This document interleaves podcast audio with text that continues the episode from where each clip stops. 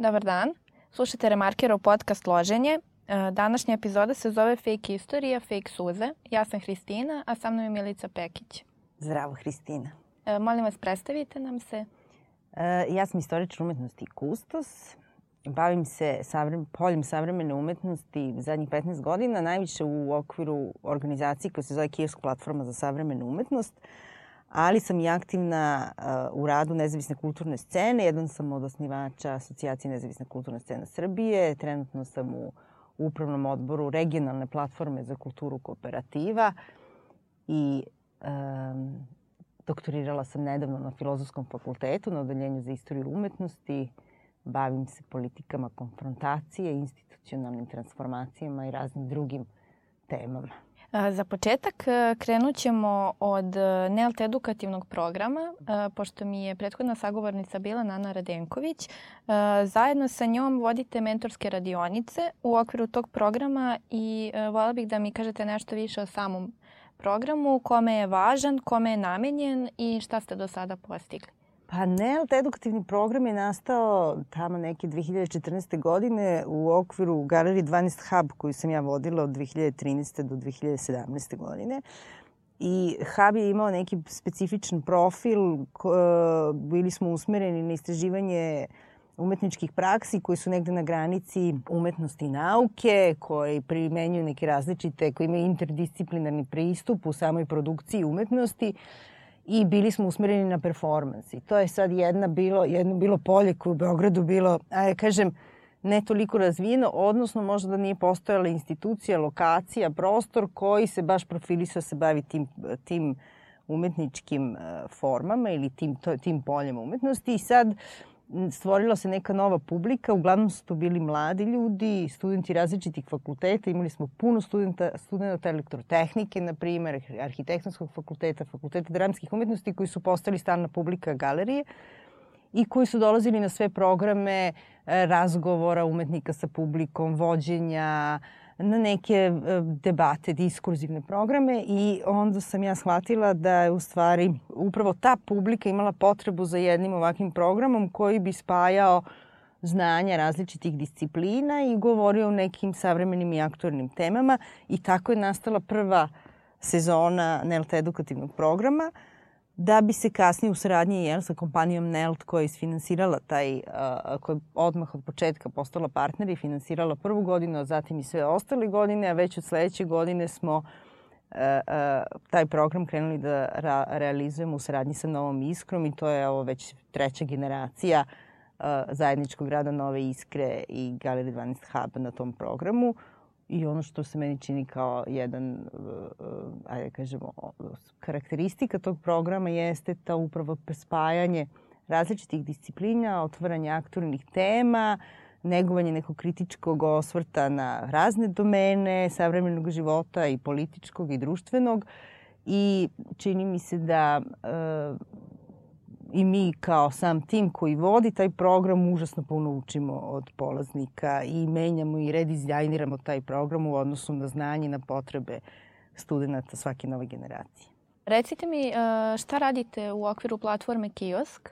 Pa platforma Kiosk postoji jako dugo. Ja volim Kiosk jako jer je to prva organizacija jedna koju sam, u kojoj sam ko-osnivač. Osnovala sam i zajedno sa umetnicom Anom Adamović I ono na što sam ja ponosna jeste da taj kiosk funkcija postoji i danas. To je za Srbiju, ja mogu da kažem, jedan po, dosta veliki poduhvat, da je jedan tak, takva vrsta kolektiva koja je negde, ajde da kažemo, u profilu možda i nejasno definisana, znači mi nismo ni kustoski kolektiv, ja sam kustos, a ne umetnik, nismo ni umetnički kolektiv, nego smo neki hibridni kolektiv koji u stvari uh, se bavi različitim praksama u domenu savremene umetnosti, od toga da radimo kao kustoske programe, velike izložbe, radili smo kao selektori Bele festivala nekoliko godina, radili smo neke intervencije u javnom prostoru, do toga, ali ono što je možda neka najveća specifičnost kijevske organizacije jeste su upravo ti, ajde tako kažemo, kijevski autorski projekti, uh, u okviru kojih e, formiramo velike timove ljudi, saradnika, ko učesnika, ko autora, ali radimo sa velikim brojem građana u samom procesu proizvodnje nekog umetničkog rada. Obično se taj rad referiše na neku aktornu temu. Jedan od poslednjih velikih projekata koji smo radili jeste projekat Jugoslavija. Radili smo ga u saradnji sa Muzejem Jugoslavije. Trebalo bi nakon rekonstrukcije glavne zgrade od, je, od jeseni ove godine da bude i velika izložba u samom muzeju, a umeđu vremenu je ceo projekat objavljen na sajtu muzeja i u stvari mi smo tu kolekciju muzeja, nekih 100, izabrali smo 100 predmeta i opise tih predmeta sa muzejskih kartica smo dale e, našim sagovornicima. Imamo ukupno 100 sagovornika iz e, cele iz svih zemalja koji su nastale e, raspadom Jugoslavije, različitih profila, uzrasta, backgrounda, znanja, profesija, koji su u stvari dali svoju refleksiju na te opise tih predmeta iz kolekcije sa muzijskih kartica i govorili su o stvarima koje ih, na koje ih je taj opis podstako inspirisao ili motivisao. Pokušali smo da obradimo fenomene koji su upisani u samu um, ideju i koncept Jugoslavije. Uglavnom smo se bazirali na socijalističkoj Jugoslaviji, odnosno na Jugoslaviju posle 45. posle drugog svetskog rata, jer je najveći broj predmeta iz kolekcije muzeja upravo iz tog perioda. Naravno ima tu i nekih predmeta iz Muzeja revolucije koji uh, podrazumevaju raniji period, ali smo se uglavnom bazirali na, na tom periodu pokušavajući da istražimo koji su to koncepti, ideje o Jugoslaviji možda danas relevantni ili kakav je potencijal taj, tih ideja u, sad, u savremenom trenutku. Ideja kao što su samoupravljanje, nesvrstanost, ženska prava, kult ličnosti, e, modernizacija, razni, on, razni drugi koncepti koji su u stvari upisani u, u, u samu ideju socijalističke Jugoslavije. I sad, gde su oni danas? Ali Kijevski ima tu tendenciju u stvari da radi programe koji uključuju jako veliki broj učesnika na neke teme koje su nama zanimljive i interesantne. Evo, novi projekat koji upravo počinjemo da radimo se zove Izvođenje demokratije, gde ćemo u stvari sa građanima Srbije uh, razgovarati o nekim opet osnovnim konceptima upisanim u samu ideju demokratije kao što su solidarnost, tolerancija, odgovornost, jednakost, manjina, većine, predstavnička demokratija ili direktna demokratija, sloboda, šta je koncept slobode, šta je koncept pravde, kako ih to danas razumemo i kako različite grupe kojima su mišljenja u Srbiji danas razumevaju te koncepte. Kad smo kod demokratije, po vašem mišljenju u kom državnom uređenju mi trenutno živimo? Pa mi zvanično živimo jel, u predsjedničkoj demokratiji. Imamo te neke izbore, imamo neku vladu na kojoj se glasalo na tim izborima. Svake četiri godine građani Srbije uzmu taj listić papira i za nešto zaokruže. Međutim, ono što ja zaista mislim, to je svuda u svetu, ja mislim, e, ali i kod nas imamo veliku krizu to, tog sistema predstavničke demokratije. Ja mislim da savremeni svet više ne podržava tu vrstu angažmana građana jednom u četiri godine, posebno imajući u vidu da su oni instrumenti neophodni da bi se jedan demokratski sistem uh, održao i razvijao. Naravno, demokratija početkom 20. veka, sredinom 20. veka, krajem 20. veka, početkom 21. veka se drastično menja i moramo stalno razmišljati o nekim novim, redizajnirati sisteme u kojima živimo. Ono što se nažalost dešava u Srbiji, ali u mnogim drugim državama sveta, Evrope i sveta, vidimo, mislim, šta se dešava u Velikoj Britaniji, šta se dešava u Americi, razne procese gledamo u raznim evropskim zemljama. Ta zloupotreba instrumenta države, da kažemo prvo od medija, pa onda i svih institucija i svih drugih, i svih drugih instrumenta države, je potpuno, možemo da kažemo sada, usmerena. Došli smo u neku, u neku situaciju, neke vrste okupacije. Ta vlada jeste legitimno izabrana na nekim izborima u ovoj zemlji i u drugim zemljama, ali se postavlja pitanje prvo kakvi su ti izborni uslovi, u kakvom kako ti građani donose odluke, na osnovu kojih informacija, da li smemo da lažemo građane u nekoj kampanji kad se borimo za neku javnu funkciju ili moramo da ovaj, budemo odgovorni prema građanima i da ovaj, ne iznosimo neke svoje politike, već e, vidit ćete i da u svim tim predizbornim kampanjama najmanje se govori o programima Šta su ti politički programi? E, šta je vizija tih partija koja se kandiduju na tim izborima, koji se to različiti politički programi sučeljavaju, gde mi možemo da gledamo neku vrstu dijaloga i debate o nekim različitim društvenim konceptima koji bi trebali prate neke izazove u budućnosti. Nismo ni dotakli neke teme koje mislim da su od kapitalne važnosti za 21. vek, neke stvari koje se nama postavljaju kao izazovi, šta ćemo sa tim klimatskim promenama i to više nisu nacionalna pitanja, to su globalna pitanja. Mislim da nacionalne politike ne mogu da daju odgovor na te veće izazove koje mi da sa kojima se čovečanstvo danas suočava. Tehnološki boom, razvoj biotehnologije, ko je vlasnik te tehnologije? Će ta tehnologija da bude servis čovečanstva ili će da bude uh, instrument za proizvodnju profita. Mislim, tu sad ima gomila nekih pitanja, ali ta pitanja ostaju negde na margini nekih, čini mi se, klijentelisti, ono, interesnih sukoba oko nekog plena, a država se tu uh, kontinuirano vidi kao plen. Zalažete se za zaštitu kulturnih spomenika.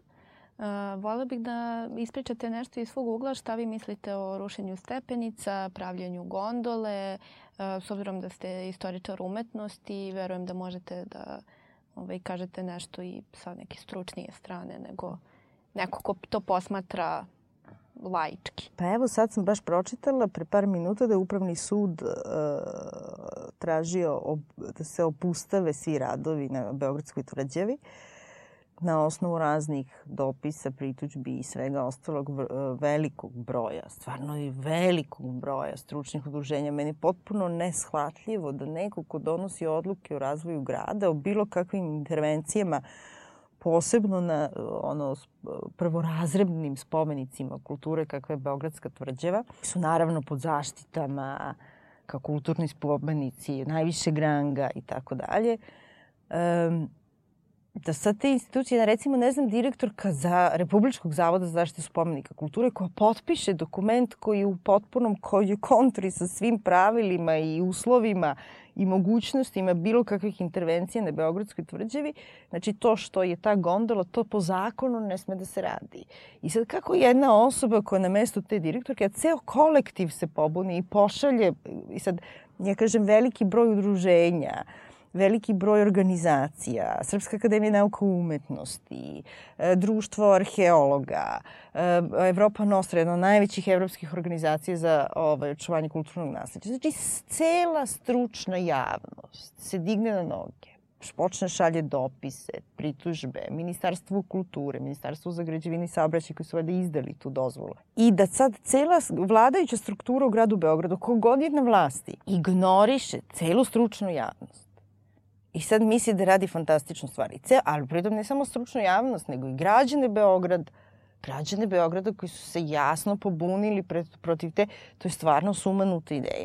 I sad vi imate u gradu Beogradu taj jedan vrlo zanimljiv razvoj događaja, kako se to, kako se Beograd transformiše i šta su te vizije razvoja grada. Pazite, grad u 21. veku je jako važna jedinica i način kako ga razvijamo, u kom smeru, kako ga, kako urbanizujemo mesto na kome živimo, šta su izazovi, šta su potencijali grada, šta su da mi ne možemo da prepoznamo u 21. veku da je Beograd na dve reke, imate divne obale, imate zelenilo, Beograd ima jako puno zelenilo, to su sve prednosti, znači to se, mislim, to su sad neke stvari koje su uh, čini mi se i u budućnosti će biti neka vrsta, ja sad kad se šetam po evropskim gradovima, ja negde vidim neki gradovi imaju zelenila, neki gradovi nemaju zelenila. Ja osjećam vrstu neprijatnosti kad sam u gradu koji nema dovoljno zelenila. A moj osjećaj dovoljnog zelenila je očigledno različit od velikog broja mojih kolega i prijatelja iz Evrope, jer ja sam u Beogradu navikla da su drvoredi u svakoj ulici. I meni to nekako, ali nisam što, nego to ostavlja i utisak na druge moje, opet, kažem, ljudi sa kojima se ja susrećem kad dođu u Beograd, isto su, imaju taj utisak nekog velikih, velikog broja zelenih površina i jako puno drveća u samom gradu. Tako se nekad Beograd misli, ok, mi možemo da razmišljamo kako se Beograd misli u 21. veku. To je nova tema. Ne, sigurno ne treba da se misli isto kao i u 20. Ali o tome trebamo mi jel, da razmišljamo i da se dogovaramo i da uključimo građane u to kako Beograd treba da izgleda u 20, šta su naše potrebe, u kom pravcu treba se razvija, a ne brutalno da otimamo taj investitorski urbanizam. Evo sad smo videli ovo, e, i kao recimo Beograd na vodi, sad ćemo mi da otmemo taj, tu parcelu, sad ćemo mi da proglasimo lex specialisom da je to projekat od nacionalnog značaja, Šta znači nacionalni značaj? To je sad zanimljivo. Kako definišemo nacionalni značaj? Ako su nam privatno stanovanje, e, pritom ekskluzivno skupo stanovanje, nedostupno stanovanje, e, shopping centri i poslovni prostor nacionalni interes, mi, onda ja mislim da mi treba da otvorimo neki javni dijalog, oko toga se složimo šta je nacionalni interes. Mislim, ja razumem da gradite škole, sportske centre, opere, muzeje ili ne znam šta, pa da se to zove ja, nacionalnim interesom, jer su to institucije od javnog značaja dostupne svima i tako dalje. Ali vi da uzmete uh, uh, vlasništvo, javno vlasništvo, znači parcelu u javnom vlasništvu, i da se tu gradite neke privatne projekte, ja ne vidim kako to nacionalni interes. I sad ćemo da slušamo ono kao, ali ne znam, koje investicije dovedite vi, uh, bilo je 3 milijarde, pa onda 30 miliona, pa 3 miliona. Mislim, to se stvarno pregovara koje su te pa, to, koliko su te pare, ono, koji to količina para koja je u stvari ekvivalent nekom nacionalnom interesu. Znači, za koliko para, koliko ja para vama svima da dam da posećemo ovo drveće. To su neke logike koje su potpuno drugi od onih logika koji bi meni bili intrigantni i zanimljivi gde bi mogli se uključimo u dijalog. Ovde možemo samo da ulazimo u direktne konfrontacije, se borimo, kažemo mi se ne slažemo sa otimanjem. Mi ne damo da otimate i da kršite zakone. Mislim, ova zemlja ipak ima neke zakone, ja kažemo da su ti zakoni neki okviri koji smo se svi nekako složili, primjena, ne primjena i tako dalje, ali zakoni se neki donose. I evo, na primjer, u slučaju gondole, opet kažem, u slučaju Beograda na vodi to je moralo se donese za lex specialis, pitanje interpretacije nacionalnog interesa. Znači, tu možemo da se sporimo da li se krši zakon ili ne. Ovaj, um, ali ova gondola, mislim, ovo je stvarno, kako kažem, vi da uzmete i tako b, kabadahijski. Mislim, to je nekako, čini mi se, bez ikakvog razgovora, bez ikakvog dogovora, vi ste došli i sad posekli ste neko drveće, krenuli ste da rušite one stepenice onako kako ste krenuli ili ste krenuli da zabadate neke klinove za te gondole, ne, počeli ste neke radove bez da ste bilo šta, prvo kažem, u, nekom, u nekoj senci, iza nekih zatvorenih vrata ste prekršili sto procedura samo na silu, na silu moćnijeg, ko je jači, pa došao sad, ko je rekao toj direktorki da ona treba potpiše nešto što ne sme da potpiše po zakonu? neko ko je sigurno nešto njoj pripretnja. Ne mogu da zamislim ko je to sad lanac odgovornosti tu. I mislim, to je taj neki princip u kome mi danas živimo i vidimo ipak da postoji veliko nezadovoljstvo građana i stvarno se građani okupljaju i, i, i meni je, meni je uh, mogu kažem pozitivno da vidim da se i stručna i profesionalna javnost, ali i sami građani na neki način povodom nekih malih, ne mislim malih, nego povodom tih nekih intervencija koje nam nekako direktno za, zadiru u svakodnevni život ili ruiniraju nešto što je naše nasleđe. Znači sad ćemo mi da damo milion eura država Srbija za obnovu crkve Notre Dame, a ovde ćemo da rasturimo Beogradsku tvrđavu, Zato što ni, uopšte ne mogu ni da zamislim šta je, šta je motivacija, šta stoji iza toga. Iza toga stoji verovatno neki opet privatni interes, neko, neki, neki posao nekom svom ortaku nešto nabaci. Ne, ja uopšte ne mogu da razumem ko je smislio taj be, besmisleni projekat.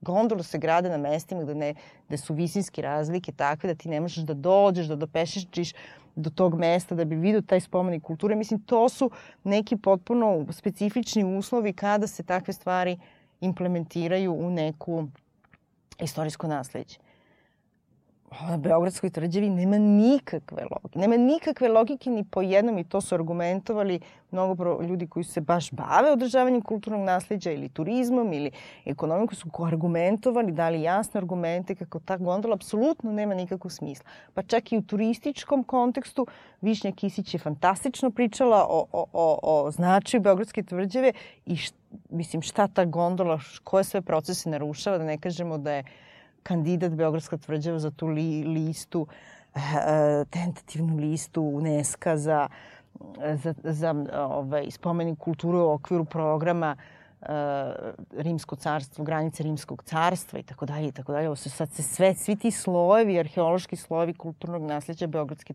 tvrđave dovode i ozbiljno urušavaju im programom. I Goran Tomka je u časopisu Vreme dao jedan uh, jako dobar intervju gde govorio upravo i o tim uh, nedostacima um, argumenta koji se tiču turi, podizanja turizma u gradu jer je ukazao na sve neke aspekte, elemente šta su turi, raz, ono, strategije turističkog razvoja gradova, a ovo se direktno kosi sa, sa tim, jer lo, cela logika i ekonomija, razvoja ekonomije grada i turizma grada i tako dalje, ovaj projekat je prosto u kontri sa svim zdravorazumskim argumentima, nekim razvojnim argumentima.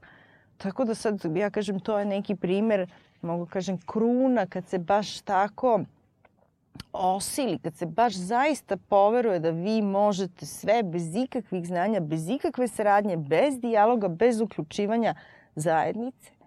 I to mnogo više nego što smo mislili. Ja mislim da u 21. veku moramo mnogo više da uključujemo zajedno i mnogo horizontalnije da se bavimo temama, da su te hijerarhije u tom smislu u kom su postojale tokom 20. veka u raznim sistemama zaista prevaziđene u 21. veku. Mi moramo se bavimo, moramo da napredujemo kao civilizacija, razvijamo svoje potencijale, emancipujemo sve pojedinci i uključimo se svi zajedno i zajedno odlučujemo nekim temama koje su nam važne i koje nas se tiču. Kažem, imaćemo izazove koji su mnogo ozbiljniji od onih o kojima danas pričamo kao što su klimatski promene i tako dalje. Da se vratimo na te stepenice i da ponovimo još jednom zašto su one nama bile važne, čega su one bile simbol i šta su zapravo predstavljale, s obzirom da su se otvorile e, razne polemike na društvenim mrežama i komentari e, poput toga pa dobro bile su ružne i raspadale su se.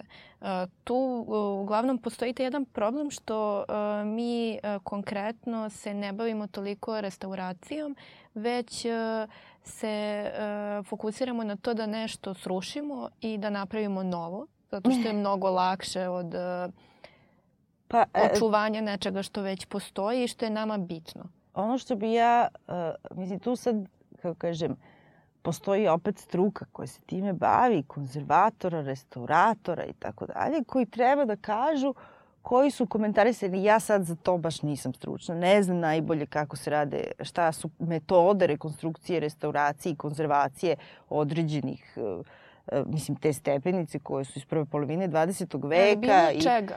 I, u mislim, u suštini, ja bih rekla, koliko sam čula kolege, da i na samo na prvi pogled ta, ta brutalno rasturanje tih stepen, tog stepeništa, da bi se to renoviralo, meni je ovako laički izgledalo da je van standarda, da se to sigurno tako ne radi. Međutim, ja za to nisam kompetentna i nisam stručna, ali sam, slu, ali sam slušala neke od kolega koji su rekli da je to potpuno loše, kao što, smo, kao što sam slušala neki kolege koji su govorili da ta metoda se, ono, kao održavanja drveća sečenjem krošnji, brutalnim kao što se desilo u Dušanove, mislim sad kad prođete Dušanova, oni predivni platani, onako kao neki uh, ave, kao neke aveti sad tamo stoje, nema, još nisu ozelenili, ja, to drveće verovatno nije ubijeno, ali sam slučala ljude koji se stručno time bavi, koji kažu da je to potpuno zastarela metoda i da to sa drvećem ne treba da se radi, da je užasno agresivna metoda i tako dalje i tako dalje. E tako i za stepenište, restauraciju i konzervaciju, čula sam, slušala sam kolege koji su govorili da se to tako ne radi, već jako dugo i da to postoje druge metode. Davali su primer stepenica u Rimu i tako dalje, kako su se one, koje metode se primenjuju na restauraciju, konzervaciju i obnovu takvih spomenika kulture.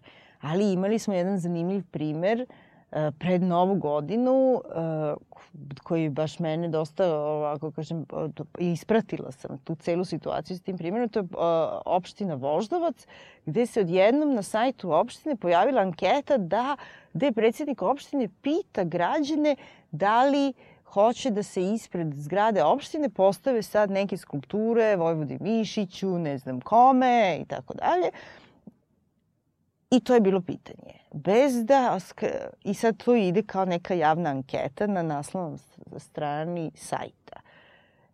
Evo sad on kao uključuje građane u neke odluke o tome kako će grad izgleda. Pritom, jako loše postavljeno pitanje, jer se ispred ulaza u, na opštinu Voždovac nalaze dva fantastična spomenika socijalističkog realizma postavljena tu 49. godine Sretena Stojanović i Lojze Dorilinara koje se zovu Borba i obnova figuralne grupe i to su redki primjeri, fantastični primjeri socrealizma kod nas. Uh, I sad je on je čovjek smislio da, ja ne znam, i sad nema, nema objašnjenja šta će biti sa tim skulpturama koje tu stoje.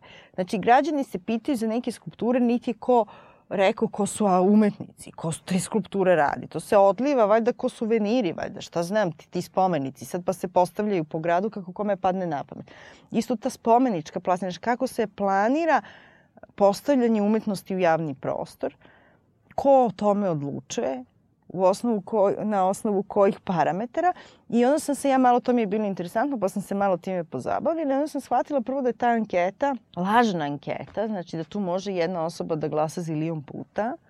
Znači, uopšte prvo, prvo softverski je ta anketa potpuno besmislena, jer svako je sa svog računara mogu da glasa ne, nenormalan broj puta.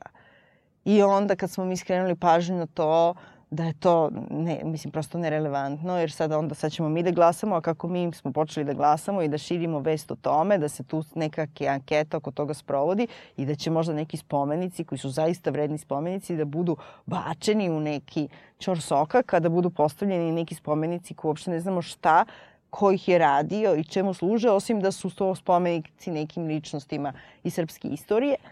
Znači, pored toga, da je ta da je taj softver bio potpuno lažan, da kao kažem skrenuli smo pažnju pa su oni napravili neke ispravke pa su onda ostavili tako, uradili su takve softverske izmene da sad opet jedna osoba može više puta, ali mora napraviti pauzu 3 minuta između. Mislim, kako kažem,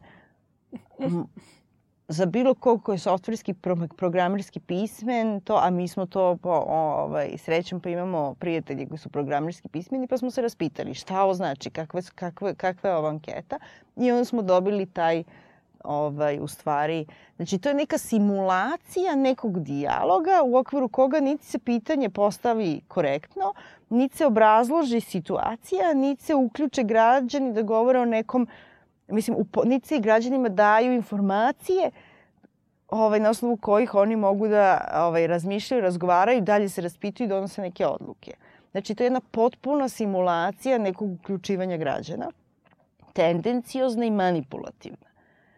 I onda smo ovaj, na neki način uh, poslali smo i neke dopise opštini i skretili smo pažnju da ta softver uh, loš, u najmanju ruku, odnosno ne znači ništa, jer ne pokazuje volju građana, jer ako ja iz kuće mogu da pošaljem 5000, ako sam sposobna, ja mogu napraviti mali softver koji će da glasa 100 puta u minuti i onda šta možemo da idemo do milion glasova.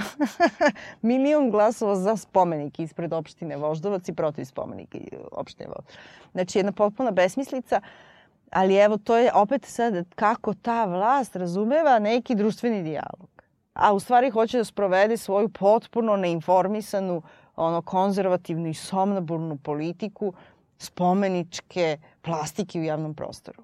Gde sklanjate ozbiljne spomenike koji su relikti, imamo, znači, to socrealizma, ispred zgrade opštine Voždovac, fantastične spomenike i uopšte interes međunarodne zajednice za modernističko nasledđe, za socijalističko nasledđe Jugoslavije je ogroman, pa imali smo tu veliku izložbu uh, ovaj, Toward Concrete Utopija u, u, u Momi do, do pre par meseci, koja je pobudila veliku pa, pažnju cele međunarodne profesionalne zajednice za to spomeničko nasledje i arhi, a, nasledđe arhitekture Jugoslavije. Uh, I vi sad potpuno brišete jedan, ok, ja razumem, to je u, nekom, u nekoj, mislim, prošli smo kroz 190-ih, to rušenje starih spomenika, podizanje novih u svim državama bivše Jugoslavije, ali da vi 2019. potpuno ne, vratite neku mantru koja je već dokazano prevaziđena i nema više nikakvog utemeljenja u realnom društvenom i političkom životu,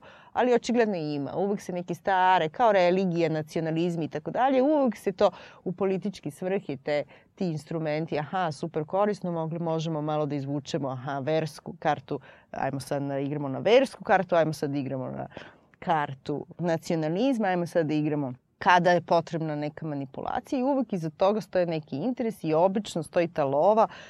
Pa ne znam šta je ljudima s tim parama, ali to je tako. Jedno od mogućih rešenja za očuvanje kulturnih spomenika je njihovo čuvanje u virtualnom prostoru. Da li smatrate da je to budućnost e, kako koje treba da težimo? To nije reš... Ja mislim, jedna je stvar čuvanje kulturnog nasleđa, a druga je stvar digitalizacija kulturnog nasleđa. I to su neke dve komplet... Mi da bi imali šta da digitalizujemo, to moramo sačuvamo. pa onda i dalje to da čuvamo, da bi dalje to digitalizovano imalo neku vrstu komunikacije, prevod tog nasleđa, u stvari dalje komunicirao s nekom publikom i da bi povećavao broj ljudi koji imaju pristup informacijama o tom kulturnom nasleđu. Mislim da svakako digitalizacija je jako važna. Pitanje te forme, u kojoj formi, kako radimo digitalizaciju, u kojoj formi digitalizujemo, šta su te informacije koje delimo, uh, kako prevodimo kako prevodimo recimo Beogradsku tvrđavu u digitalnom svetu i kako komuniciramo sa najširom mogućom publikom. Mislim da Srbija ima ovaj, tek treba da razvije taj segment ovaj, komunikacije, da kažemo, svojih spomenika kulture sa širom publikom. Ja sam, evo to, ne, to smo nedavno i pričali, nedavno sam bila u Studenici i stvarno me zapanjilo da tako jedan značajan i ono, veličanstven spomenik kulture koji baštini i arhitektonski i u smislu fresko slikarstva, to je slikarstvo stvarno jedinstveno u celom svetu u to vreme to je ta neka vizantijska renesansa, renesansa paleologije i tako dalje. Mislim, to su, to su spomenici od fantastičnog značaja. Mislim, to su fantastični spomenici i vi u tom manastiru nemate ni jednu informaciju na engleskom jeziku šta uh, publika, odnosno posetioci mogu tu da vide niti informacije, nemate komunikaciju, ko su ti slikari, zašto je to slikarstvo značajno, šta je ta arhitektura, šta je ta, spomen, šta je ta uh, pla, uh, kamena plastika na tim prozorima studenice. Vi nemate nikako, imate jednog turističkog vodiča koji, na ne, koji vodi uh, publiku i govori na neki, ne, sa nekom, neku duhovnu interpretaciju značaja studenice, koja je okay, legitimna za jednu vrstu publike. Uh, ali za mnogo drugih ljudi, posebno za stranu publiku koja dolazi, koja je čula za taj spomen, jer to stvarno ono, spomenik ima toliko naučne literature napisane o tome, vi recimo u tom šopu manastirskom, u njihovoj prodavnici, ne možete da pronađete ni jednu jedinu knjigu, naučnu knjigu o studenici ili studeničkom slikarstvu što je za mene bilo fascinantno. Ja sam baš tražila, htela sam da nađem makar jednu knjigu od svih knjiga koje smo mi, na, mi smo na fakultetu imali obimno, mi smo morali detaljno da znamo sve srpske srednjovekovne manastire I, ovaj, I to bila ozbiljna literatura koja je tad postala, mogu misliti danas, šta su neka nova istraživanja. Mislim, te vizentološke studije po svetu su jako razvijene, a to su neki, mi imamo te spomenike koji su jako relevantni za te studije. Uh, i da vi nemate ni jednu knjigu, ni jednu monografiju koja iz te perspektive govori o tom mestu i o tom spomeniku kulture. To je sad meni bilo interesantno da je to tako. Ja nisam znala da je to tako dok nedavno nisam bila tamo. Možda to nije u svim, možda je sad samo to u slučaj u studenici ili možda to bio taj moment kad sam ja bila tamo. Ali eto, prosto kažem, nisam, nisam ta komunikacija našeg nasledđa. Mislim da mora da se mnogo ozbiljnije uh, promišlja i da mora mnogo zbiljnije njome da se bavi i da mora bude otvorena, dostupna i za međunarodnu publiku i da mi prvo definišemo šta su to, šta je to neko kulturno nasljeđe, šta je to kulturno bogatstvo koje mi imamo, a imamo ga. Ali u tom smislu kažem da nam još ostaje puno da se bavimo em prvo zaštitom, adekvatnom, profesionalnom i stručnom zaštitom i održavanjem naših spomenika kulture, i onda da razvijemo različite taktike, formate i digitalne alate za komunikaciju tog nasledđa i prevođenje tog nasledđa u nekom digitalnom svetu da bi bio dostupan mnogo većem broju ljudi, da bi to nasledđe bilo dostupno mnogo većem broju ljudi. Ja sam uvek za taj sharing, ja sam uvek za commons, javno dobro da mora bude svima dostupno, ali moramo mi da investiramo u to i da prevedemo neke stvari i da ih učinimo dostupnih, a tako ćemo negde i opet da se repozicioniramo na nekoj mapi uh, i stručne javnosti, i turističke javnosti, i ljudi koji zanimaju, zanimaju spomenici kulture, i ljude koji zanimaju, ne znam, ekolog. Mislim da se upišemo na neku mapu gradova sa nekim vrednostima koje hoćemo da promovišemo, sa nekim ili koje hoćemo da podelimo sa ono, većim brojem ljudi iz čitavog sveta. Dali smo slušalcima dosta tema za razmišljanje. Sada završavamo ovu epizodu. Milice, mnogo vam hvala. Hvala tebi, Hristina, i divno mi je bilo da razgovaram sa tobom u ovoj emisiji. Takođe.